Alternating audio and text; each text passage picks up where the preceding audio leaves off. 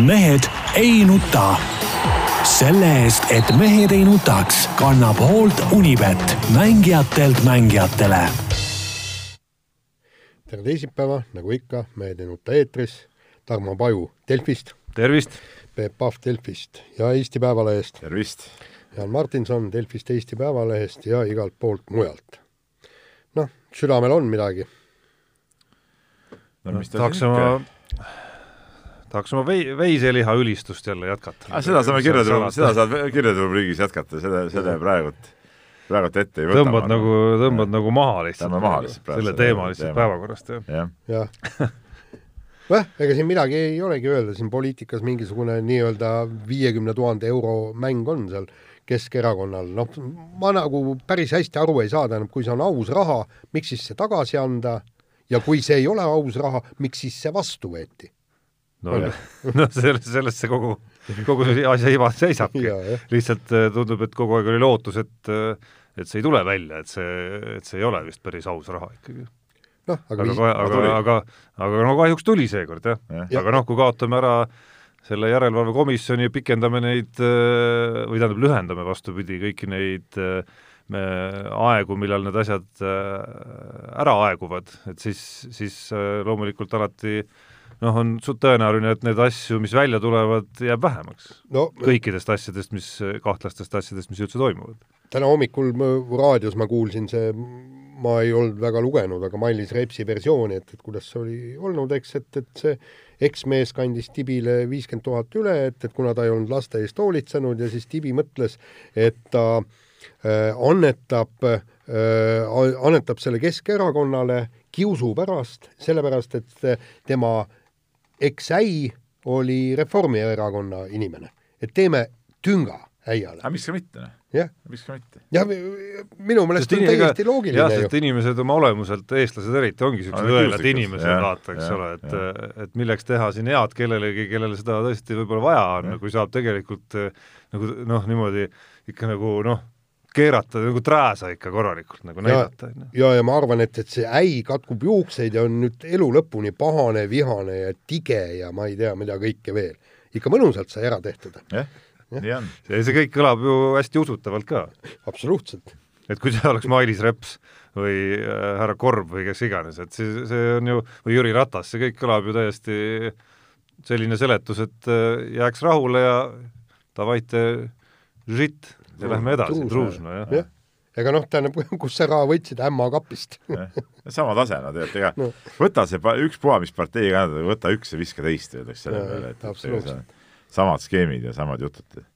Lähme paneme õigete asjade juurde. Lähme õigete asjade juurde, aga jääme poliitika juurde. eile siis äh, toimus EOK presidendi valimine, kus äh, mingit action'it äh, ei toimunud Urmas Sõõrumaa võttis oma häältega kaheksakümmend kolm, kolmkümmend kaheksa, mul tuli just meelde, et kunagi Eesti korvpallikoondis loputas Soomet umbes niisuguste numbritega. ja kõik oli to tore, kõik oli lill täpselt nii kaua, kui äh, ekraanile ilmusid siis äh, nii-öelda täitevkomitee liikmete kandidaatide nimed.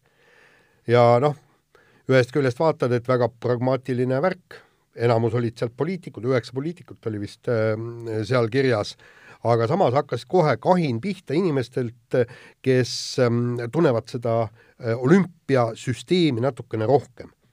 ja, ja, ja seal öeldi, et ega Rahvusvaheline Olümpiakomitee ei ole sellega kindlasti väga rahul, sellepärast et nad tahavad poliitikat ja sporti ja olümpismi võimalikult lahus hoida. aga nüüd, kui selgub, et äh, enamus täitekomitee liikmeid on, äh, on poliitikud, noh.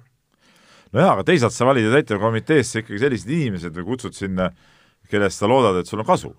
ei, absoluutselt. seegi see, et äh, kui meil on paljuski jutt käib ka, mis Sõõrumaa need plaanid olid äh, neli aastat tagasi ja nüüd, eks ole, siin mingid haigekassadest raha saamised ja, ja, ja mingid niisugused suured, suured põhimõttelised ümberkorraldused, siis selleks on vaja ju poliitilist Äh, tahet ja tuge ka, et selles suhtes on äh, täitsa loogiline see valik tegelikult. aga kas siin nagu teistpidi kääre ei ole, et üks asi, mida Urmas Sõõrumaa hästi palju on rääkinud, on see, et äh, täitevkomitee liikmed ja kogu see aparaat, kes on seal justkui vabatahtlikkuse alusel palka ei saa, peaks ka nagu sisulist tööd tegema, juhtima mingeid konkreetseid valdkondi.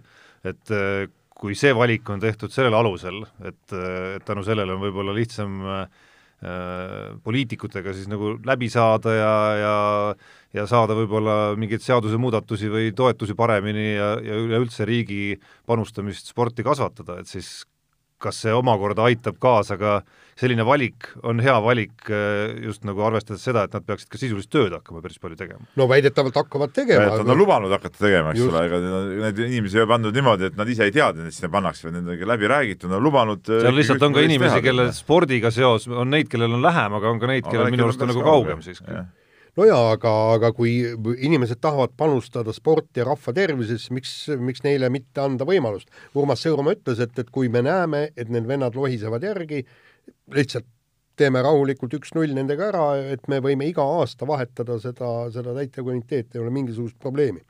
ja täna oli siis äh, väike vaidlus mul ühe kolleegiga just, et ta leidis, et noh, et, et see on ikka täiesti häbematu, täiesti, et, et sport peaks olema erakondadeülene. loomulikult peaks, aga nagu ma ütlesin, Eestis ei ole mitte ükski eluala ei ole poliitikast kõrgem. ükstapuha, mida sa tahad, kus sa tahad, sa pead ikkagi kedagi tundma, kuskilt rääkima, ei saa ju Team Estoniat, ei saa ju luua siis, kui sa ei pääse kabinetti sisse näiteks kui Martinson oleks seal kuskil mingi tegija või midagi ja ma tahaksin minna, et kuulge, Team Estonia, andke kolm miljonit, järgmine aasta kuus miljonit. ma võin seal ukse taga nii kaua koputada, kui parem, parim, mis ma saan, on ju sekretäri see, juures. see oli muidugi vilets näide, Jaan, praegu, sina muidugi võid seal käia kuputada ja, ja midagi ei juhtu, küll aga võiks muidugi olla nii, et kui EOK president läheb selle jutuga, et siis ta on nagunii kõva mees, et ta, et teda võetakse igal juhul jutule, aga eh, muidugi päris nii lihtne see ei ole ja selles suhtes ma saan, mina mõistan küll seda poliitikute mängu kaasamist ja, ja, ja, ja pragmaatiline liigutus ja ma seda ausalt hukka ei mõista praegu. ja kusjuures mäletate Mart Siimanit ja ma tegin ju temaga intervjuu, mille peale ta tõesti väga kaua pahane ja oli, oligi seal, et EOK käed jäävad liiga lühikeseks ja seal ta ütleski, et me, ma, ma ei saa mitte midagi, ma ei saa panna öö, otsustajaid tegema seda, mis oleks öö, olümpiakomiteele kasulik. pärast seda tuli Neil, Neinar Seli ja ütleme niimoodi, et ka, ka tema lõpetas nii-öelda krahhiga, kuigi ta võttis, noh, tõi eh, riigifirmadest sponsorraha, mida, mida, mis on noh, näiteks Sloveenia spordi alustala, eks. Seal riigifirmad toetavad sporti meeletult palju, eks. ja, ja ikka tehti temaga üks-null ära, nii, mis on ka noh, täielik jama, eks, aga nüüd selgub, et, et vend on kriminaalkurjategija. ja nüüd on siis Sõõrumaa kord proovida, äkki temal läheb õnneks. noh, lihtsalt see osa ühest küljest pragmaatiline, see osa, mida ma tahaks ikkagi kuulda ja ma loodan, et, et me ise ja, ja ajakirjandus üleüldse hoiavad nüüd silma peal, ongi see nüüd see teine pool, millele ma viitasin, et mis siis nende sinna valitud inimeste konkreetsemad taustad on, plaanid on, ülesanded saavad olema ja, ja kuidas nad siis kõiki neid äh, asju täidavad, mis justkui Urmas Sõõrumaa jutus on ka väga oluline pool, mitte ainult see, et nüüd on nagu poliitika on nagu lähemal. et me teame, et erinevate eh, riigiettevõtete, ma ei tea, haiglate ja mis kohtade on need nõukogud või, või nõukogudes jah, just nimelt, on ju ka nagu poliitkohti hästi palju ja, ja elu on näidanud pigem, et ega nad nagu nagu praktilist panustamist ei ole ja praktilist pädevust ka tihtilugu tegelikult selles vastavas näiteks siis meditsiinivaldkonnas ei ole, eks et, et selles mõttes oleks nagu huvitav käia korra see nimekiri läbi ja ja natukene uurida, mida siis igaüks ja miks ta üldse, miks igaüks, mis nende motivatsioon oli üldse, üldse sinna minna ja teine asi on see, et sinna poliitikute nimekirja oli muidugi sattunud ka niisugune mees nagu Remo Holsmer, kes tegelikult muidugi ei ole enam poliitik. ei no aga ta oligi, ma kirjutasin endised poliitikud, jah. ma vaatasin kuskil sotsiaalmeedias oli kuskil jagatud, et ta oli seal ka poliitikute kirjas, et noh, teda päris, ta on ikkagi praegu ilmselgelt nagu hoopis ettevõtja ja, ja, ja ja niisugune ettevõtja, kes, kelle raha võiks ka EOK-sse võib-olla liikuda, eks ole. jaa, aga samas, äh, kas sa arvad, et, et äh, kabinettide uksed ja tagatubade uksed on temale suletud? ei, kindlasti mitte, no aga noh, no nii no, ei saa ju üldse võtta, see on nagu pigem see on juba kaud, nii kaudne seos. selle näite puhul see on mingi boonus ikkagi. boonus pigem, jah, muidugi. jah, aga, aga noh, teine asi on ka see, et, et et kas see täitekomitee, kui palju see tegelikult peab äh, siiski ka tööd tegema, seal on jälle moodustatakse komisjonid, ega, ega seal, seal tõesti, no ütleme, tippspordiga tegeleb ju tegelikult tippspordikomisjon, eks. et see, ega ma sellest nõukogu funktsioonist ka liiga hästi nüüd aru ei saa.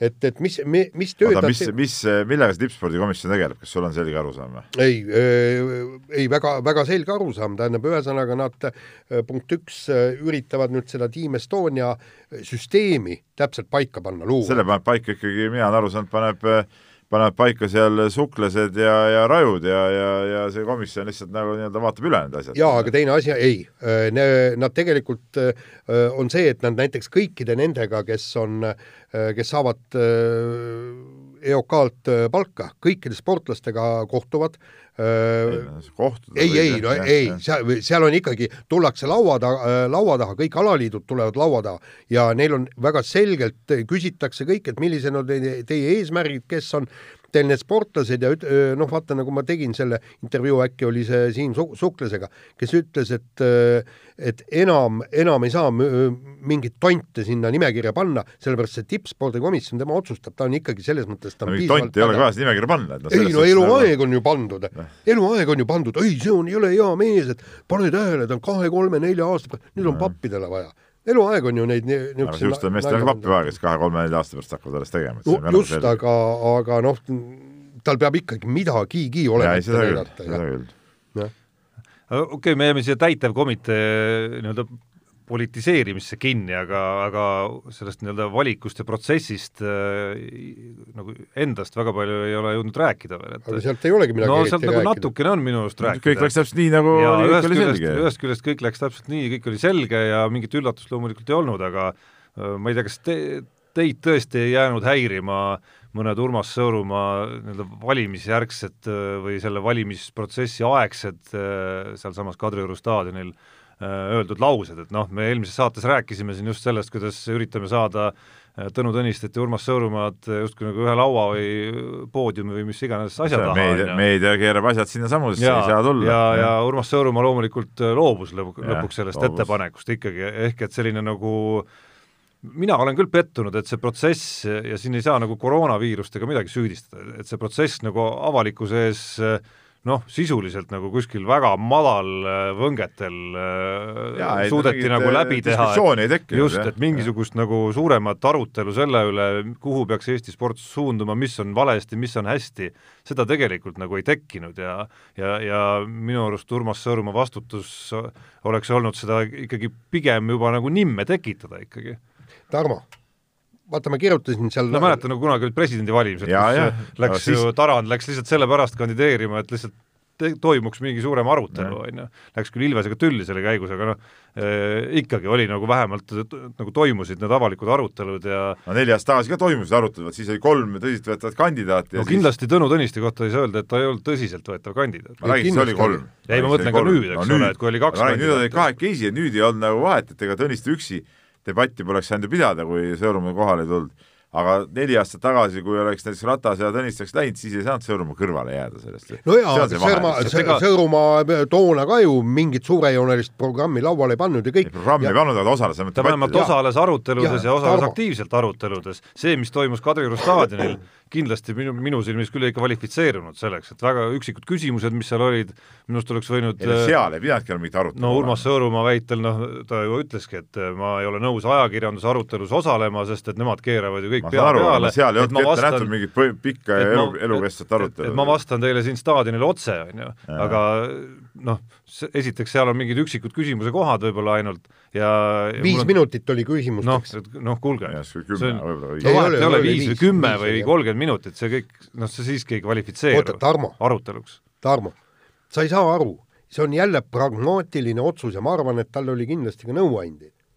sest tal oli edumaa oli nii suur tal, tema sai ainult kaotada nendest asjadest. tema sai ainult ja. kaotada ja, ja mis oleks kõik, kõik, et kohati ta on lapsesuu, midagi ei ole teha. ja kui ta oleks seal nii-öelda debatis midagi valesti öelnud või halvasti öelnud või midagi, vot see oleks talle miinusmärgi toonud. plusse tal enam vaja ei olnud, tal oli neid plusse niigi palju. ja väga selge, tähendab, ütleme niimoodi, et, et öö, eesmärk pühendab abinõu. vend on strateeg paneb täpselt paika, kuidas, mida peab tegema selleks, et tulla ta, taas presidendiks saada. jaa, aga see ei tähenda, et spordirahvas, kaasa arvatud mina, peaksime sellega nagu rahul olema. ei no aga sina ei vali ja, ja kaheksakümmend kolm nendest, kes teda valisid, olid sellega rahul, et debatti ei toimunud. väga lihtne väga lihtne. ikka ülivaldav enamus, noh. no just. Ei selge, võit, seljavõit, noh, selles mõttes no, ei olegi midagi. nagu midagi kobiseda nagu ei ole kellelgi midagi, noh, tegelikult noh, see, see ongi selle asja kõige niisugune kummalisem punkt tegelikult. noh, kummalisem ja, ja minu arust siiski ka natukene selline põhjus nagu kriitiline olemiseks, see, selline pool ka ikkagi. aga noh. aga see ei vii kuhugi, see kriitika? no antud juhul jah, mitte, et et nii, et hoopis, hoopis meis on jälle see paha, see, see on ikka nagu natuke veider, kuidas äkitselt see tuul veel pöördus äkitselt nagu siis valimispäevale veel sinna suunda ja. ka. nii on.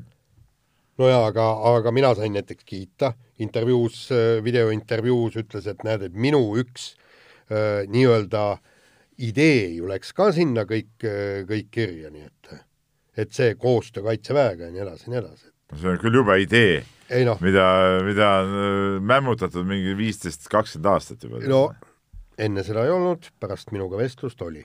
nii et, et tegelikult mõned on head ajakirjanikud, aga teie olete siis niisugused. mul on Jaani, Jaani suhtes küll teistsugused andmed. see on muidugi alati noh niisugune väga kahe otsaga asi, et kui sa oled kuskil intervjuul käinud ja siis äh, saad kiita selle intervjueeritava poolt, et siis kas see kiitus on nagu hea asi ajakirjanikule või näitab, et pigem on midagi viltu no,. see oleneb intervjuu iseloomust muidugi.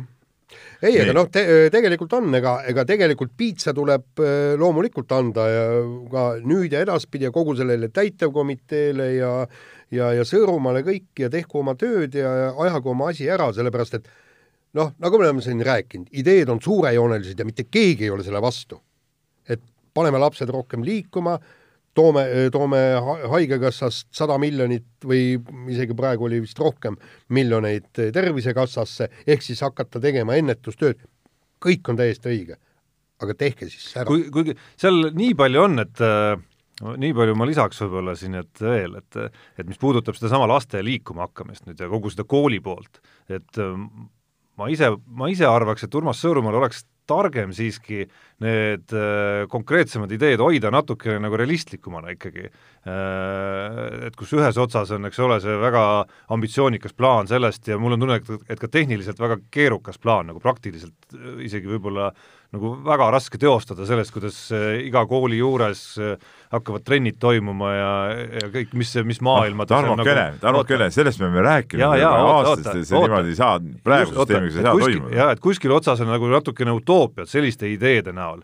Aga selle asemel võiks ju väga jõuliselt ja väga üheselt keskenduda kõik need spordi äh, organisatsiooni juhid sellele ideele või noh, see pole ka idee, see on ka asi, millest on räägitud, aga et, et keskendume sellele ühele asjale, mida ka Erik Teigamägi täna sinu loos ütles, ehk siis reaalselt kehalise kasvatuse tundide arvu taaskasvatamine koolides, ehk siis nagu räägimegi ainult sellest ja rõhumegi ainult sellele ja surumegi seda ühte konkreetset ideed, mis, mis nagu, mille osas praktikas on läinud ikka asi üsna lappama, kui me räägime, kui vähe juba kooliprogrammi osana on, kui väikseks on see liikunud. et vot sellele võiks nagu kogu aur panna, selle asemel, et nagu natukene sinna utoopiat sisse pikkida. ja, ja, ja kusjuures, kusjuures tegelikult noh, jällegi, Sõõrumaa ju, kui ma temaga kunagi tegin selle intervjuu, just see, et, et kuidas see sport kooli peaks minema ja me tegime selle intervjuu, tegime Kalevi spordihallis, on ju, ja väga põhjusega.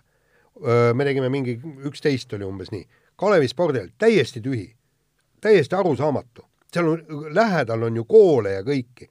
Mi-, miks nad seal ei tee oma tunde? no neil on koolis ka olemas kohad. ei, no kindlasti nii, nii palju ei ole ja seal, sealt saaks teha ja seal, vot, vot seal ongi, kui meil tuleb küsimus baasides, siis tõesti neid baase võib ju laiendada, seal on kõrval kergejõustikustaadion, jalgpallistaadion. peavadki tegema ilmselt vahepeal. jah, aga, aga, aga seal ongi ja tegelikult noh, eks tema üks mõte oli ka see, et jah, Jaani jutt ei mäleta küll nagu no minu teada seal lähedal olevatel koolidel on täitsa korralikud baasid, ühisgümnaasium, kus ma ise käisin, seal on nii staadion kui korralik võimla näiteks. aga ma tean, et käivad osad käivad, osad käivad ka seal Kalevi staadionil, vaata. Mm -hmm. vaata, kui me omal ajal seal jalkat mängisime aeg punniga, siis seal oli ju ka kehkatunnid käisid ka samal ajal. Ja noh, toimib, ega sa igat tundi ei saa ka sinna viia, et noh, selles suhtes see, et kell üksteist hommikul on saal nagu tühi spordihall, minu arust see küll midagi imelikku ei, aga vaata, no tema loogiline. idee oligi, et näed, et äh, spordihall on tühi, teeme siis siin trenni. teeme nagu koolitunnid on samal ajal ju. ei no jaa, aga mis, äh, miks ei võiks vahe, vahepeal teha äh, trenn, siis tunnid jätkuvad, noh. see on kõik, kõik on võimalik, kui, kui tahta. noh, teoreetiliselt on no. võimalik, aga noh, jah. no just. kuule, aga paneme edasi järgmise teemaga äh,. Läheme räägime autorallist, kus on neid killukesi, millest rääkida päris palju, kõige no, värskem just jah. jaa, vahetult enne saadet just tuli uudis siis augusti algul, mis omakorda selgus ka vahepealse nädala jooksul, et see, et see Dirtfish ralli äh, toimub siis äh, Lõuna-Eestimaa teedel äh, just nimelt augusti algul, pärast seda, kui Soome MM-ralli ärajäämise uudis sai selgeks, aga selle kohta siis värskelt enne saadet on tulnud teade, et äh, nii Ott Tänak kui ka Terrine Vill saavad olema seal stardis, nii et ütleme, see kuskile võib juba linnukese nagu kirja panna et staari, nii-öelda staari kategooria on juba korralikult täidetud. no ütleme niimoodi, et, et kõigepealt peab eh, Neville oma auto korda tegema, sest ta ajas selle ikka väga sodiks no, Soome testidel. Neville ise hakkab seda autot remontima. no mi, ma, kuule, ma paneks muidugi aga... venna ise vähemalt midagi nii nagu, nii nagu graffiti sodijatega linna peal, et ja.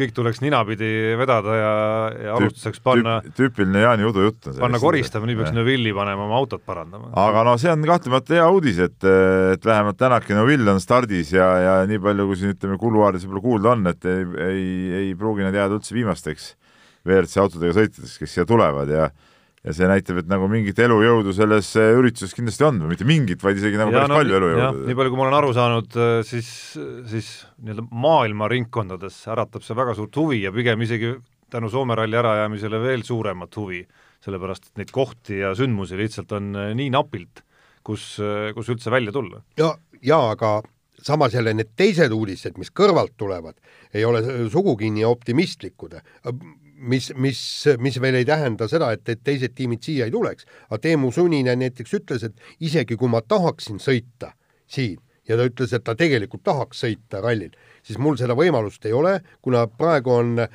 M-spordi tehased on kinni, mul, mul ei ole lihtsalt sealt mehaanikuid ja kõike, ta ütles, et, et enda raha mul selleks ei ole, ta ütles isegi, kui ma kuskilt sponsorit saaks, siis ma ei saaks kindlasti sõita WRC autoga. ei no eks nad räägivad läbi ikkagi kõikide WRC tiimidega, aga M-spordil on jah see probleem, et nad asuvad ju Suurbritannias ja seal on lihtsalt see olukord on nii keeruline, nad ei saa praegu äh, nendesse oma angaaridesse ligigi, vist ma saan aru, et, et see, see on nagu see põhimure. noh, teine asi on see, et kuidas nüüd see Toyotaga siin kokkuleppele jõutakse, eriti arvestades peale seda äh, spordiaasta gala äh, ütleme, täiesti ebaõnnestunud äh, paro-, Tommy Mäkineni parodeerimist, eks ole, et, et aga noh, ja, ja, ja võib-olla seda ka Tänaku sealt äratulekut ja kõik need asjad, et aga, aga, aga ütleme, tööd, töö vähemalt selle nimel kuidagi käib, et nad siia mingid sõitjad tahavad saada ja ja noh, tegelikult iseenesest juba juba selleks, et äh, ralli oleks korda, noh, ta on Eesti meistrivõistluse etapp, eks ole, Eestis, Eesti sõitjad nagunii. kui ta toimub, siis no Tänaku ja Villiga on ta juba ma seda tahtsingi öelda, et see on juba, juba tegelikult tingimused juba täidetud, et sul on kaks, kaks MM-sarja absoluutset tippu on, on juba stardis ja ja, ja sellest piisab ja nad saavad veel kedagi siia juurde, noh siis, siis ei ole siin midagi rääkida, siis ei ole siis see on nagu tipp, tipp-topp asi. Noh. no ma miskipärast loodan ikkagi, et, et, et seal Suurbritannias need asjad natukene paremaks lähevad ja ikkagi vähemalt M-sport tuleks ka siia äh, sõitma, et see ja oleks... ma arvan ka, et see lootus ikkagi on olemas ja ja kindlasti tuleb siia neid, ma arvan, neid R5 autosid tuleb äh, tugevaid, see, see on suhteliselt tõenäoline, noh nagu Honda isegi toob juba ju ju R5 nagu välja siia, et, et huvitav, et nad et äh, oli see äh, Soome poiss oli mainitud, Gräzinit veel polnud mainitud seal, kuigi Gräzin on siinkandis ju palju sõitnud ja ja tegelikult oleks, oleks ka nagu variant. no ta põhimõtteliselt Lätis vist äh, baseerubki omadega üldse. ei no ei, tema, ta ju sõidab ka selles Hyundai selles ja, ja aga ta, aga ja, tema baas ja, on minu ja, teada Lätis. ja aga kui, no kui see jutt meil, ralli jutt siin just selle Dirtfishi ralliga pihta hakkas, siis ma arvan, õige koht on visata õhku nüüd ikkagi ka see Jaani kirjutis sellest, kuidas äh, nüüd tuleks kiiresti reageerida ja, ja see ralli peaks äh, saama kiiresti juba MM-ralliks juba sellel aastal. no see Jaani no, kirjutisega, no ma ei see, see oli niimoodi, et Jaan ütles mulle, et kuule, et tee, tee see niisugune kommentaar, ma ütlesin, kuule, et see on täielik udujutt ja kui sul on see mõte, siis kirjuta ise ära ja nii, nii see läks, Jaan selle kirjutas, et noh, ja see on tüüpiline Jaan Martinsoni mingi umbluu. ei, aga miks? ei no,, mis, mis, ei, mis, ei, miks, noh. asjad ei käi niimoodi, Jaan, et sa praegu ütleme, ah, kuule, me teeme kahe kuu pärast MM-ralli, need asjad ei ole niimoodi. tähendab, muide no., stopp, siin ju viskas välja, viskasid välja ERC vennad, viskasid välja ju täpselt samasuguse kinda WRC-le. Nemad pakkusid, et kuulge, kui te tahate etappe, meil toimuvad rallid, ERC rallid, tulge starti, tulge oma WRC autodega starti, kõik on ju korraldatud kõik on väga tipp-topp ja, ja tehke nendest, seal on Rooma ralli oli üks, üks oli ma... Rooma ralli ongi, eh, muuseas ma vaatasin, jõudsin vaadata kiirelt mm, -hmm. et eh, Andre Adamo ütles, et tänu sellele, et see nihutati eh, Dirtfish ralli nüüd augusti, et nad saavad Rooma ralliga osaleda, et, et just, nii, ja, ja, ja täpselt sama, kui on tipp-topp korralduslikul poole pealt ralli toimub, miks ei võiks siis kas siis see meie ralli, ma, ma ei tea, kuidas ta see aasta toimub, eelmine aasta, nagu ma sain aru, oli ta ikkagi korralduslikult ikkagi maailma tipptase. ja no see vahe ikkagi ilmselgelt on ka Rooma ralliga, et seda ongi korraldatud juba kuid, kui mitte kui mitte rohkem kui paar kuud, kindlasti rohkem veel, eks ole, et aga seda meie rallit noh, sisuliselt hakati korraldama mõni nädal tagasi. ei no selles ma ei näe mingit vahet, lihtsalt sa ei saa nagu MM-kalendrisse tuua järsku suvalist rallit. aga saab, kui sul on kaks võimalust, kas jätta hooaeg pooleli ja sõita tõesti, praegu on mis Briti rallit, äh, Walesi rallit ei toimu, suure tõenäosusega ilmselt ei toimu. Jaapani ralliga on äh, suured küsimärgid, Saksa ralli ei pruugi toimuda, juhul kui publikut sinna ei lasta, siis jääbki kolm rallit pluss Türgi pluss Jaapan, kuidas nüüd need Sardiinia no, rallid Türgid ja asjad ka ei ole veel ega ei ole, no Türgis oli ka probleeme, et väidetavalt kogu see turismipiirkond, kus kogu see ralli, ralli toimub, on karantiinis. kas Sardiinia ralli nihutatakse kuhugi sügisesse, ja lõpuks jääbki siis niimoodi, et, et me oleme kolm rallit ära sõitnud, ümber maailma sõidetakse juba täiesti tipp-topp rallisid. noh, okei okay,, ma tööd Fissi siia isegi mängu praegu tooks, aga kõik ERC rallisid sõidetakse. miks ei või anda, tuua sinna äh, WRC masinad ja jagada välja punkte? Öelge mulle üks põhjus ideel on selles mõttes minu arust jumet, aga ma arvan, et ERC rallide puhul oleks siin isegi nagu loogikat sees. selle, selle verivärske ralli puhul tundub natukene utoopia. no aga, aga oma, oma ülesehituselt on see ralli ju teistsugune praegu, eks ole. aga praegu. nad alles hakkavad seda üles ehitama, seda, ja järgmine punkt ongi see, Rally Estonia on olnud ju ERC etapp, ühesõnaga ta on tasemeline etapp ja, ja ma ka seal kommentaaris kirjutasin, et Urmo Aavaga võiks koostööd tehes ja ma, kas sa arvad, et, et Urmo Aava kogu oma teadmiste know-how ja kogu selle organiseerimisvõimega ei suudaks korraldada väga korralikku rallit siin? ikka suudaks. no ma ei ole päris kindel, et me selle, selle rahaliselt välja kannaksime praegu. no aga, aga siis peaks ka WRC tegema väikesi noh, hinnaalandusi, nemad ju taha, peaksid tahtma hooaega lõpuni sõita et oleks võimalikult palju. mingit eh, taset ka hoida ilmselt nendel rallidel, noh. no kas siis see mingid, ma, ma, ei no mingid, ei ma ei ütle korralduslikku taset, ma mõtlen just mingit raha, eh, raha mõttes nagu mingit taset, mis mis see peab olema tagatud, noh. ei no keeruline värk on, no sellesse ma ei usu, et no see oli niisugune niisugune lihtsalt uit, uitmõte Jaanil ja no,, ja, ja sellesse ma väga ei usu.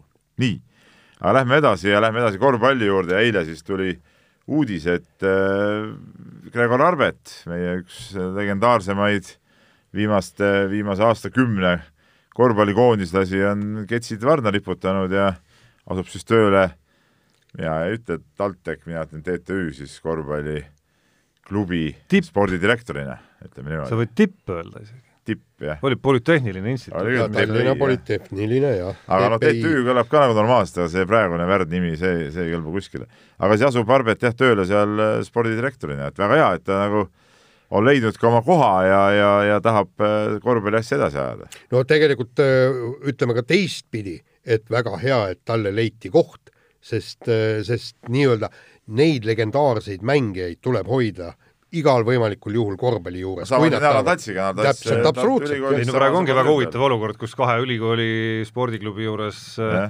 asuvadki siis kaks noh, legendaarset, legendaarset Eesti koondislast äh, või on asunud asju ajama, et äh, tegemist on siis ka koondise nii-öelda koondises väljakul käidud mängude arvu järgi siis äh, kaks esimest. kaks esimest, jah, okei okay,, Arbet äh, jagab teist kohta Kanguriga, nii et seesama kolmik ongi seal siis ees, et mm, -hmm. et nüüd ootame, kuhu maandub siis Kristjan Kangur lõpuks, kui ta karjääri ära lõpetab. jah, ja mis ta huvid on, eks ole, selle ja. kohta ei ole väga palju väga palju seni nagu ta avaldanud, mis ta mõtted ja plaanid on. spordidirektor jah, miks mitte. aga kuulge, mehed, öelge nüüd, Gregor Arbet, kas ta mängis öö, oma potentsiaali välja või ei mänginud? noh, küsimus on, et sa pead selle, sellele vastamiseks defineerima kõigepealt, mida tähendab potentsiaal. kas tal oleks olnud võimeid jõuda kaugemale, kõrgemale defineeri, milliseid võimeid jällegi. no korvpallilisi et ma ütlen, et, et lõpuks see võimete komplekt moodustab ju mingi terviku inimese füüsilistest eeldustest, ma ei tea, ütleme siis nii-öelda koormuste talumisest ja siis veel sellistest nagu vaimsetest omadustest sinna juurde, et et väga, väga raske on ju lõpuks neid kõiki kokku pannes hinnata, et mis see potentsiaal kellelgi olnud on. kindlasti no noorteklassist vaadates ma arvan, et lootus oli natukene, et ta tiirutab Euroopas võib-olla kauem, et et kui see oma, oma ringituse ära tegi ja, ikkagi. ja mulle meeldis, kui ta, kui ma nüüd vaatasin tema neid esimesi, ma arvan, pikemaid intervjuusid kindlasti meediasse jõuab veel nüüd pärast seda eilset uudist, aga kui ma siin ühte esimest ja lühemat versiooni vaatasin, siis siis mulle tegelikult meeldis tema põhimõte mingist otsast ka sellest, et ta ei näinud põhjust nüüd päris igasse kohta ka välismaale minna, et ta käis, tegi oma sutsakad ära, aga ütles ka, et Kalev Cramos VTB liiga mängimine ei noh, on juba ise selline tase, mis ei sunni sind äh, võtma vastu, ma ei tea, Rumeenia liiga, noh, ta ei maininud seda ja. Rumeeniat konkreetselt, selle liiga pakkumist jällegi. et, et selles on ka oma iva minu arust, mida see on väga õige iva, mida, mida, mida tahaks palju, natuke paljud unustavad tihtipeale. jaa, et noh, samas ei tasu unustada seda, et kindlasti sinna väljaminekul on teistmoodi väga suur kasutegur. ehk siis enda proovile panek ja hoopis teine mugavustsoon äh, mida võib-olla mugavustsooniks noh, ei tohigi ja saagi üldse nagu nimetada, on ju. aga noh, Gregorile seda ei saa kindlasti ette heita, et ta oleks jätnud need käigud ja ja, ja proovid tegemata. aga võtame ma veel, ma veel äh, kusjuures lihtsalt see, see teate ajastus sattus veel nii huvitavale hetkele, kus äh, see oli siis pühapäeval, jah, käisime Rauno Pehkaga kommenteerimas siis äh, kahe tuhande viieteistkümnenda aasta finaalturniiri Eesti ja Leedu mängu ja sel laupäeval on tulemas veel äh, nii-öelda taasesitusena sellele järgnenud Eesti-Läti mäng ka veel otsa mm. -hmm. et äh, ja tolle konkreetse Eesti-Leedu mängule eelnenud mäng oli siis see legendaarne Ukraina mäng, mis võideti, kus Gregor Arbet tegi oma elu mängukoondise särgis kakskümmend kuus punkti. et äh, seda, seda Gregor Arbetit oli päris, päris äge tegelikult vaadata. aga miks te ei näita neid kahte esimest mängu Belgia, Tšehhiga milleks, milleks vana asja nagu välja üles kiskuda? sa tahad näha, ma saan aru. jah, ja võiksite ka siis, mis see oli siis kaks tuhat kolm EM-i, Türgi EM-i mängud, kaks tuhat üks Türgi EM-i kolm mängu oleks võinud ka näidata. no ma arvan, et neid ei ole arhiivis alles enam see on kuskil kadunud. nii, aga kuigi seal ei, see nüüd nii hullud need mängud ka ei olnud, et see mis iganes satsi nime all ta mängis toona, Jugoslaavia või Serbia ja Montenegro, see läks küll see läks inetuks. ja Horvaatia kolmas mäng, see see oli juba mängu moodi. jaa, ja tegelikult see Saksamaa mäng seal algul, selle mängu algus isegi, eriti aeg, kus Dirk Novitski riietusruumis oksendamas käis, eh, noh, ei olnud ka veel väga hullu, aga see vahepealne seal oli muidugi päris kole kusjuures äh, lähen aastaid tagasi, meenutan üheksakümmend kolm, keda me võitsime, Saksamaad, kes tuli Euroopa meistrist, ta-ta-ta-ta, nii oh,. aga võtame nüüd järgmise teema. täiesti, Jaan, püüa nüüd tulla nagu kuskile, kuskile nagu kaasaega ka. aga milleks, milleks? täpselt yeah.. nii, äh, ja räägime kiirelt jalgpallist, Eesti jalgpalli on kõik kohad täis. meie leht on täis, ETV on täis äh,, seal on kõik igasugused klipid ja mitte ainult meeste jalgpallist, vaid ka naiste jalgpallist, keegi legendaarne koondislane lõpetas ära, kõik sellest oli vaja kolm minutit äh, AK uudistes rääkida. ma niimoodi. siiski nagu neutraalsuse mõttes, tasakaalu mõttes ütlen, et ka naiste korvpallikoondise äh, treeningutelt on päris mitu saatelõiku valmis, selles mõttes asi ei ole nagu üldse nihkes, et ei, ei, kus vähegi, kus vähegi on midagi toimumas, kus vähegi sportlased midagi ja. teevad on ikkagi nagu võetud viimast. jaa, aga, aga erinevad naiste korvpallis on oma korvpallikodu.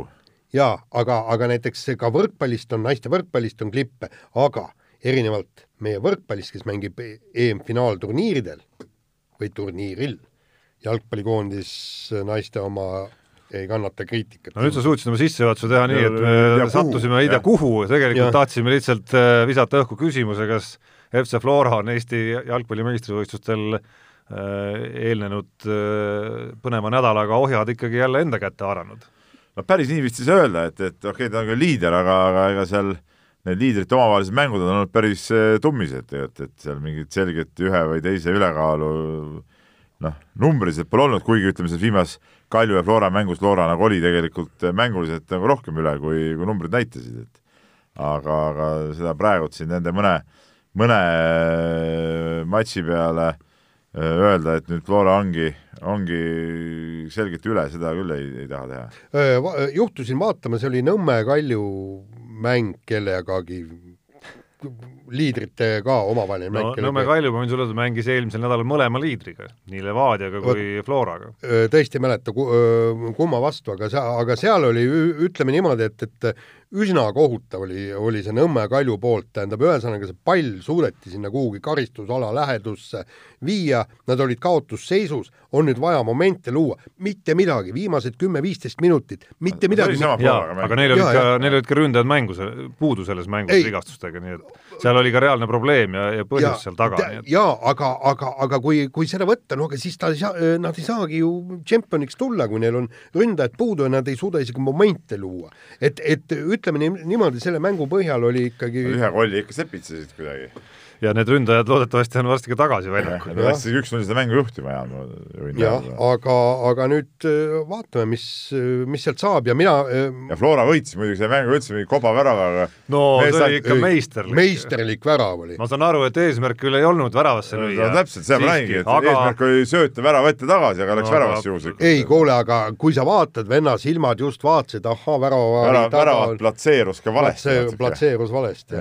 ei, aga tegelikult noh, ma arvan, et, et Flora ikka võtab see aasta ka tšempioni tiitli. no see, see teine värav, kus oli nagu, nagu noh, selles mõttes ka päriselt meisterlik, sest seal sündisid asjad täpselt nii, nagu olid mõeldud. et ma loodan, et sa seda ka nägid, vanameistri filigraanset kaitsja jalge vahelt antud söötu ja ja väga kindlat äh, Rauno Sappineni vormistust. nägin, nägin.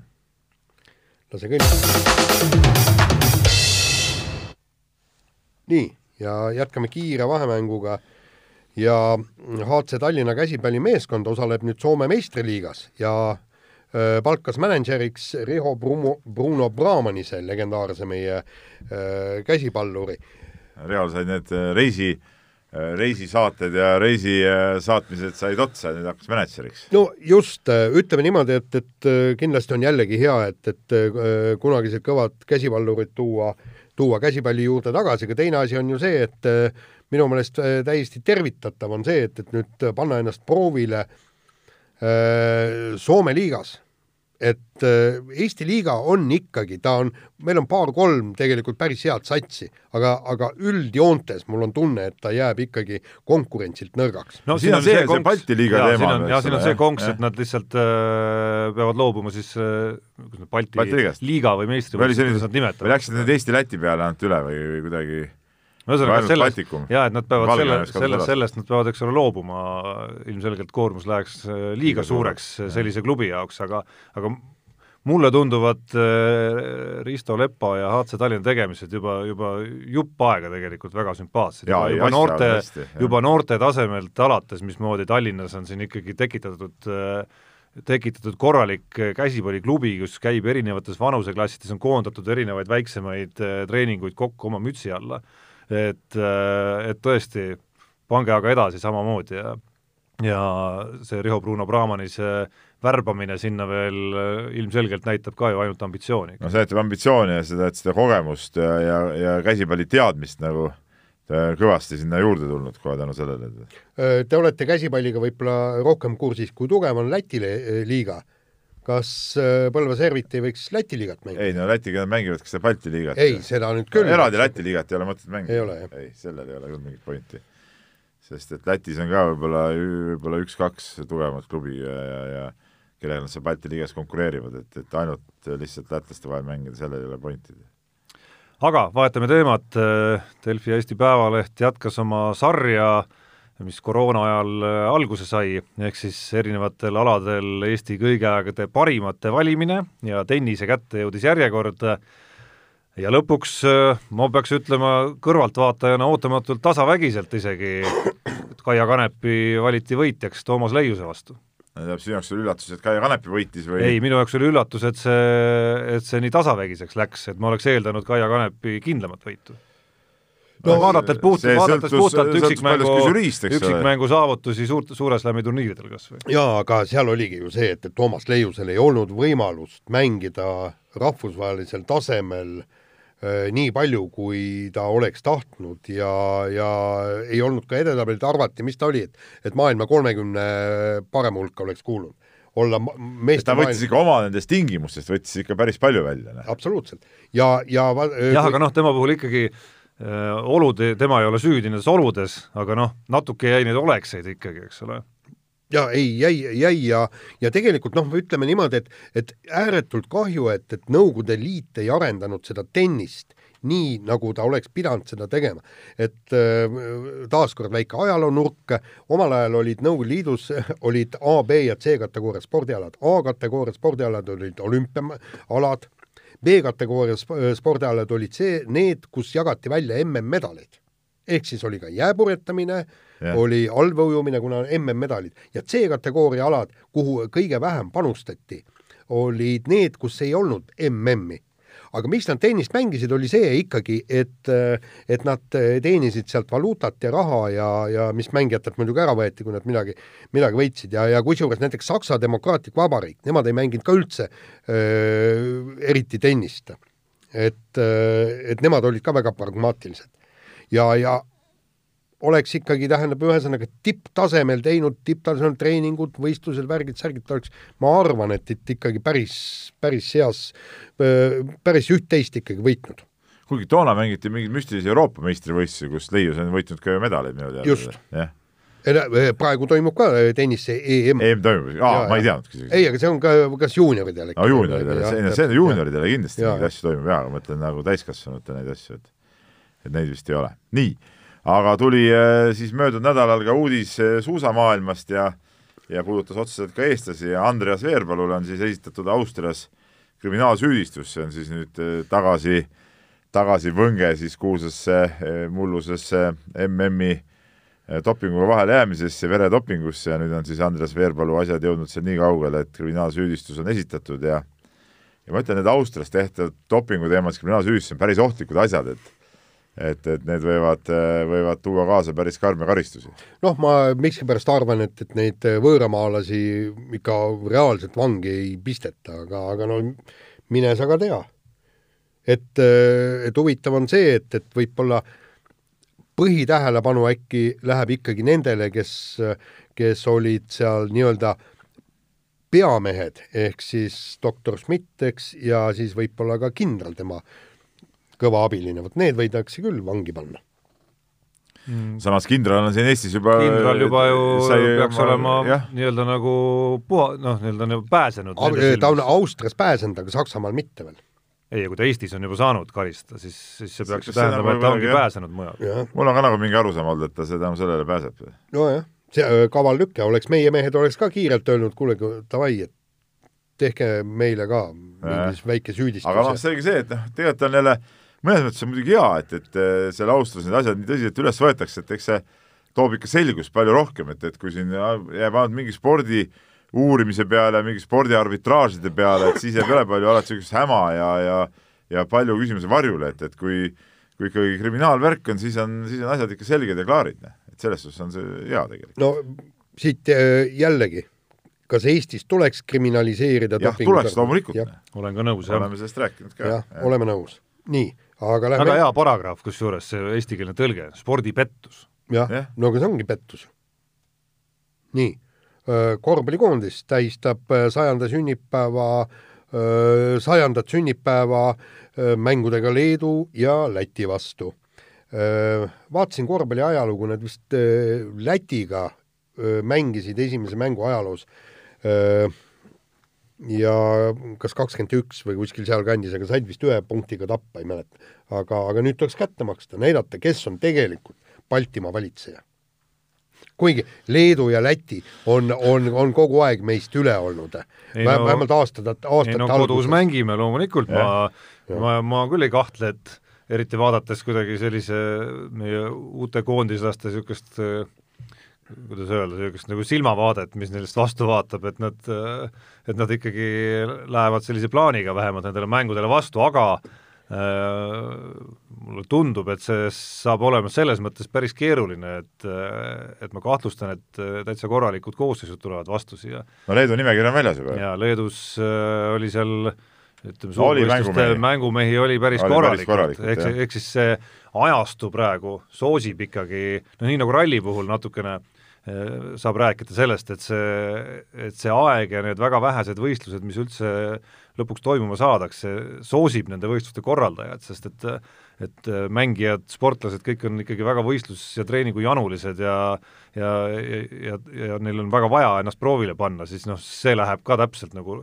rusikas silmaauku praegu. see läheb nagu rusikas silmaauku täiesti ja, ja tegelikult eh, tahaks huvi, huvi, huviga teada, kas, mis on see Läti koondise nimekiri, et see Läti koondise kohta meil veel ju infot ei ole, tead, ega meil ei ole infot ka selle kohta, kes Eesti koondises mängivad, et kes saavad mängida, kes ei saa, et kas mõned peavad juba kuskile eh, Ameerikasse ära minema, noh, kui sinna saab minna, eks ole, vastavalt olukorrale. jaa, no Ger Kriisa siin ühes värskes äh, podcastis rääkis just, et tema on sel ajal kindlasti olemas veel, kui kutsutakse, siis mängib kindlasti. jaa, ei see on väga hea, et Leedu tuleb tugeva satsiga, sellepärast et äh, saabki neile ära panna, sest kui neil on kehv sats, siis nad ütleksid, oh, näed, ma poole terameestega olen siin, eks. kuigi nagu tundus nagu kõrvalt, et Leedu võtab seda korvpallisuve ikka ka päris tõsiselt, et noh, nende seal kodumaalgi oli ju suur pressikonverents ja räägiti, räägiti plaanist, et need pole vist ainsad mängud, mida nad mängivad äh, selle suve jooksul, et, et et ikkagi seal see koondise asi hoitakse kõvasti töös.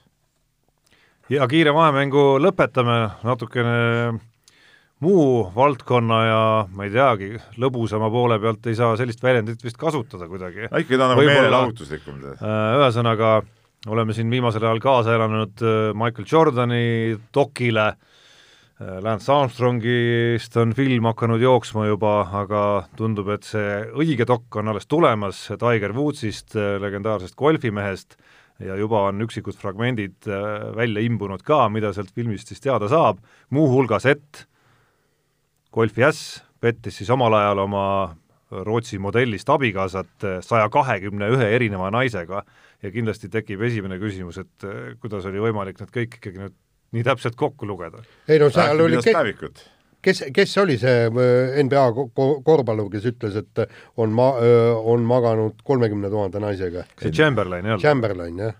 vist. no jaa, aga ütleme, arvestades seda, et et kui sul on kodus nii kena modellist abikaasa, siis kus sa võtad veel äh, jõu äh, seal saja kahekümne kolme või mis see number oli?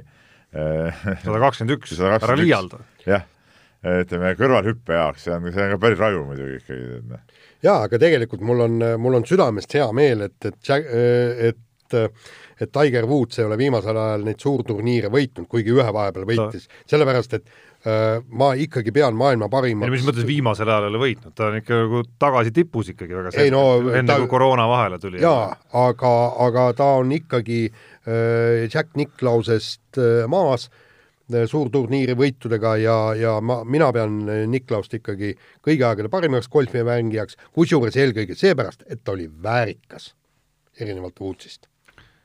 aga mis siis saab, kui Tiger Woods veel mõned majorid võidab? siis ma olen pettunud pettunud või? no muidugi. oled pettunud, et ta võitis või? jaa, absoluutselt. ma räägin sulle, Niklaus on maailma parim. ega, ega Wood selles süüdi ei ole, et ta, et ta rohkem võidab.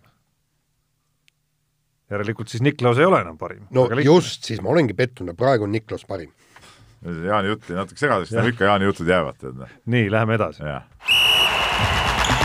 Unibetis saad tasuta vaadata aastas enam kui viiekümne tuhande mängu otseülekannet. Seda isegi mobiilis ja tahvelarvutis. Unibet, mängijatelt mängijatele. Nonii, kuidas panustamisega läinud? ütleme nii, et mina passisin, võin öelda. kahenädalase pausi vahepeal, et, et nüüd, nüüd on jõudu kogutud, et järgmisest nädalast läheb jälle lahti, ütleme no tuleb tunnistada, et oleks pidanud ka pausi võtma aga, aga ei teinud seda. taas liidriks kerkinud. ja, ja mul on mingi kakssada seitsekümmend. See on kuskil ühes augus sul yeah.. ja, jah, umbes, aga, aga ma panin panused ja, ja kusjuures jälle absoluutselt briljantsed panused ja, ja, ja ja, ja, ja kusjuures täiesti briljantsed ja õiged panused kõik niimoodi, aga mehed ei mängi täpselt nii, nagu nad peaksid mängima. no millised mehed kõik... seekord siis? ma ei tea, mingid jalgpallurid ja. Eestis? Eesti Eestis ja või... Äh, Saksamaa ei no tuleb panna no, ainult eksootilisi liigasid. ei no huvi pärast jaa, on ikkagi Eesti, mis see Eesti ma ei, ma mäng oli, kuhu sa panid? ma ei mäleta, ei ma võitsin ka, äh, ma, ma, ma panin vist kas neli panust ja ühe võitsin, kolm kaotasin isegi askeldasid kõvasti. no kiidame vähemalt Jaani ikkagi ürituse yeah. eest, selles mõttes, et, äh, et müts maha. Uue nädala eripanus, mehed ja note eripanus on tegemisel hetkel, nii et seda koefitsienti veel öelda ei saa, aga see puudutab ka Eesti jalgpalli, Eesti jalgpall saab nagu näha siis eriti head mängu ei ole see nädal minu arust ju. ei, täitsa kabe nädal selles mõttes, et liider Flora näiteks mängib ju neljanda koha meeskonna ehk Viljandi tulevikuga nojah, aga noh, see ei ole ikka see päris. aga väga lähedal on juba ka Flora ja Levadia mäng, mis on seitseteist juuni näiteks, aga küsimus äh, käib siis äh, selle Flora ja tulevikumängu kohta, mille eripanus hetkel tegemisel on ja puudutab sedasama Rauno Sappineni, kes on äh, tänaseks juba siis Viis. kuue vooruga löönud kaheksa ah, väravat. okay.. ehk siis nagu arvata võite, saab see küsimus olema, kas ta lööb ka selles mängus või mitte. Tõenäosus justkui kuus mängu kaheksa väravat. aga tõenäosus on ka see, et kui Uvaga löön, siis seekord äkki enam ei, ei löö, jah, noh samas tõenäosus on see, et Flora tulevikku pigem võidab, ehk et väravaid seal ilmselt lüüakse. alles sa rääkisid, kuidas põnev mäng on. nüüd juba tead täpselt, kes võidab. noh, Paidega oli ka põnev mäng, lihtsalt Floral oli kolm väravat selles mängus. vot nii, aga lähme kirjade juurde. kirjade juurde ja, ja kirju on nagu alati ja, ja, ja hakkame kohe pihta, teadlane Priidik kirjutab siis meile nii, et kes on see Eesti sportlane, kelle käes on kõige rängema vigastuse rekord millest taastumise järel on suudetud jätkata endiselt tipptasemel? tead, ma mõtlesin selle küsimusele, ma eile õhtul nägin seda ja ega väga ja mina tuleks seina pealt loomulikult. päris rasked vigastused on olnud ja. ja pärast neid on tagasi tulnud ja olnud ikkagi äh, olümpiafinalist ja, ja MM-ide finalist, et, et selles suhtes ja, ja väga pikkade pauside järel, et, et see, tema on, on kindlasti üks niisugune kuidas ma ütlen, nagu visaduse musternäide selles suhtes. jaa, aga nüüd äh, ma arvan, et, et kui me räägime kõige rängemast vigastusest, siis Magnus Kirdil on praegu võimalus äh, see nii-öelda liidrikoht enda kätte saada, et kui ta, kui ta tõesti pärast seda äh, õlavigastust suudab jõuda samale tasemele, võita ka MM-idelt ja olümpiatelt medaleid, vot, vot, vot siis on äge. ja, ja muidugi Helli Sildaru ka. jaa no,, Helli Sildaru. no ütleme, spo-, pallimängude poole peal ju noh, kõik, ma julgeksin kõik, kes on põlve ristisideme traumast ja. välja tulnud, äh, võiks sinna kvalifitseeruda kindlasti, et äh, Andre Pärn, ma mäletan, oli üheksakümnendate lõpus Äh, hiljem ta veel kusjuures teist korda rebestas ka veel, aga noh, see, selle järel ütleme, et äh, tema karjäär ikkagi enam nagu nendes kõrgustes ei olnud, mis pärast seda esimest vigastust. ja ka Gerd Kullamäe sama vigastuse üle ja pärast seda vigastust ikkagi mängis veel võib-olla oma oma mälestusväärsemad aastad, mis puudutab välisklubisid. jaa, aga samas jälle on meil mõned spordimehed, kes on kogu aeg nii, nii-öelda vigased, aga, aga nad ei olegi nagu tipust ära kukkunud, kui võtame Mart Poomi ja, ja Leoki. nojah, need on kogu aeg katki. no ütleme, kui nüüd krossimehed võtta jah, Leokid, nendel on ikka väga palju ränki vigastusi. no jaa, aga ma, Mart Poomil ka põlved, käed, õlad, ma ei tea, mis tal seal kõik on katki olnud, aga ta ei ole sealt oma tasemelt öö, allapoole kukkunud, vaatamata nendele vigastustele nii, aga siis äh, Priidik siin äh, Tarmo meele heaks kirjutas kirja lõppu, aga pani meile ühe foto äh, lihaletist Sulle ja, eriti, ja, ja mulle jah, et, et siis kirjutaski nii, et eelmise saate kulinaarset äh,, kulinaarsest vaidlusest tiivustatuna lisan pildi oma lemmiklihapoe letist. julgen arvata, et mõni neist tükkidest murendab ka härra Pahvi seisukohti veiseliha osas. no ei no lihased, lihatükid olid ilusad muidugi, ega ma ei ütle midagi ja ega mul ei ole midagi selle liha söömise vastu siis kokkuvõttes, liha peab olema siis küpsetatud, ega muud midagi. jaa, aga mitte liiga. täpsustan, täpsustan, Peep mõtles üleküpsetatud küpsetatud, küpseliha. korralik well done, mõtles ja, Peep, äh, rääkides kulinaarses keeles, mis on äh, noh, liha suhtes äh, nagu noh, kuritegelik. põhimõtteliselt peaks restoranist ja, välja ajama võta. inimesed, kes aga mõned restoranid ajavadki välja. võta ja näri oma toorest liha, palju süda lustib, Tarmo. Noh. keegi ei keela sind noh. see on täpselt nagu ameeriklased panevad ketšupit igale poole, et nad olevat isegi kalamarja peale. nii nagu Itaalia restoranist peaks ja. välja ajama kõik, kes küsivad sinna juurde ketšupit. peaks sinusugused Peep ka välja ajama liharestoranist. ketšup on normaalne asi. ketšup ja majonees. ära rohkem räägi, sa häbistad ennast. majoneesi ka ei kasuta või? ei ikka ei, miks? ei no, ei, no mitte liha kõrval küll, eks, aga praekartul ja majonees ja kusjuures viinisnits. liha peale sa ketšupit ei pane või? ei, miks? no ikka vahest paned, mõnus ju. liha on kõige parem, liha ise on kõige parem siiski võimalikult naturaalselt. ei tea, teatud liha soola näiteks... natukene, okei okay,, see sõltub konkreetsest lihast. sõltub jah, näiteks šašlõki kõrvale on atšikat paned. muidugi no., mingit teravat värki, väga hea. nii äh,, Marko kirjutab meile ja, ja tal on siin, ta kuul-, kuulas siis Kalev Kruusi äh, intervjuud Jaanis Kaaluga ühes post-, podcastis ja, ja sellest lähtuvalt tal on siin tal on siin mitu küsimust tegelikult, et kirjutab siis nii, et sooviks natuke puudutada seda saja tuhande küsimuse teemat ning väidet, et see läheb noorte arendamiseks või midagi sellist. küsimus, mida sellega arendatakse, et saja tuhande eest nagu väga ei arenda midagi, see kõlab väga hea ja sooja lausena, kui noorte töö on selline üsnagi tundlik teema ja selle pealt annab ikka suruda. Noh, see saja tuhandega ei no see noh, midagi ikkagi ütleme noorte ütleme mingit, ma ei tea, mingeid treeningpäevi korraldada, mingeid sarju seal toetada, et noortel oleks oma mingid asju, et, et ma nii pessimistlik ei ole, et no, mingeid variante kindlasti on. Noh. on isegi ju see, meil on ju noortele auhind on ju välja pandud, palju see on, kolmkümmend tuhat? see on, et jah, et sa saad siis selles juunior WRC sarjas sõita, eks ole. aga siin ei käi juttu ju ainult rallist, jutt käib ju ainult tegelikult ka siin ringraja ja muude autospordialade toetamisest, et, et ma arvan, et saja tuhandega ikkagi üht-teist teha saab ja loomulikult sa ei saa niimoodi, et sa annad mingile sõitjale masina ja maksad talle kõik kinni selle eest, et mine sõida kuskile, seda kindlasti mitte, aga niisuguseid üldisemaid asju saab teha. Nii, ja teine suur küsimus, et kui ma tahaks täna Eestis Euroliiga Final Fouri korraldada, siis kas ma saaks seda teha ilma, et oleks, ilma et oleks sõltuv alaliidust? vastan, et pigem mitte. noh, mis sa, Tarmo, arvad?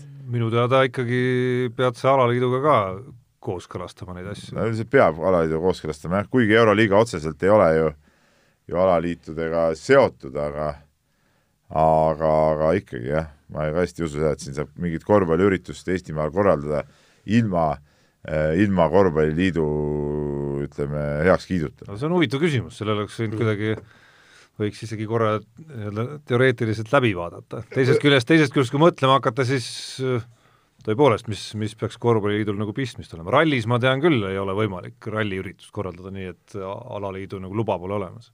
Aga see on ka oma spetsiifikalt muidugi vähe teistmoodi, see ralli.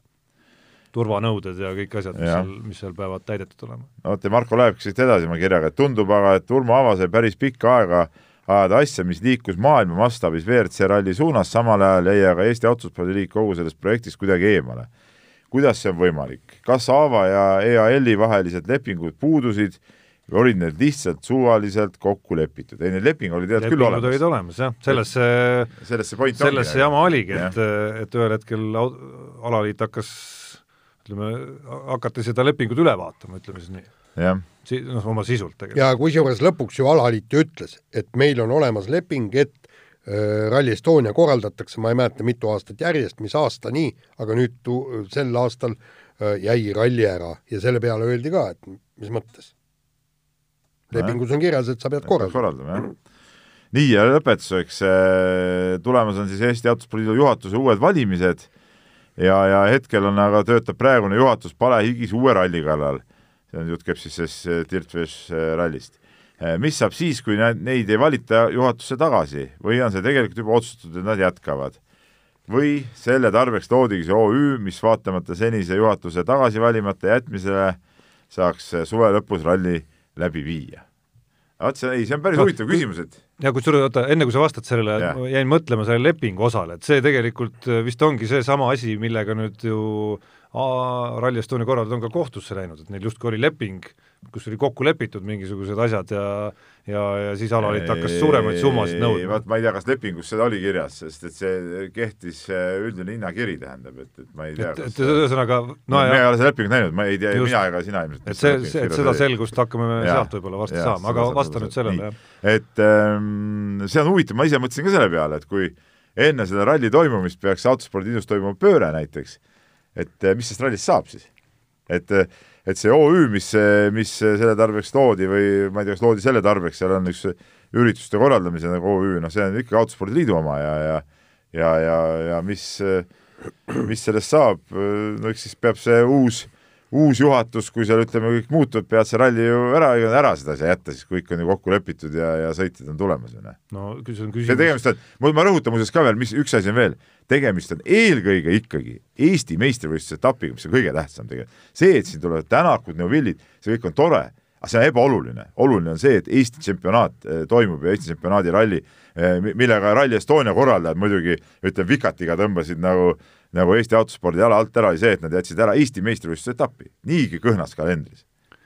aga see küsimus, mis siis saaks, noh, on lõpuks küsimus nii nendele, kes siis sinna uude juhatusse äh, peaks valitama, kui ka nendele, kes seda rallit praegu korraldavad, kuni noh, kogu, kogu see seltskond, eks ole, Jaanis Kaalust alates, Kuldar Sikud, noh, kuni Marko Märtinid ja Ott Tänakud ja kõik no ütleme niimoodi, et, et ootame, ootame selle valimistulemused ära ja siis, siis vaatame edasi, aga ja, ja kui tule, toimub palee pööre, läheb asi huvitavaks.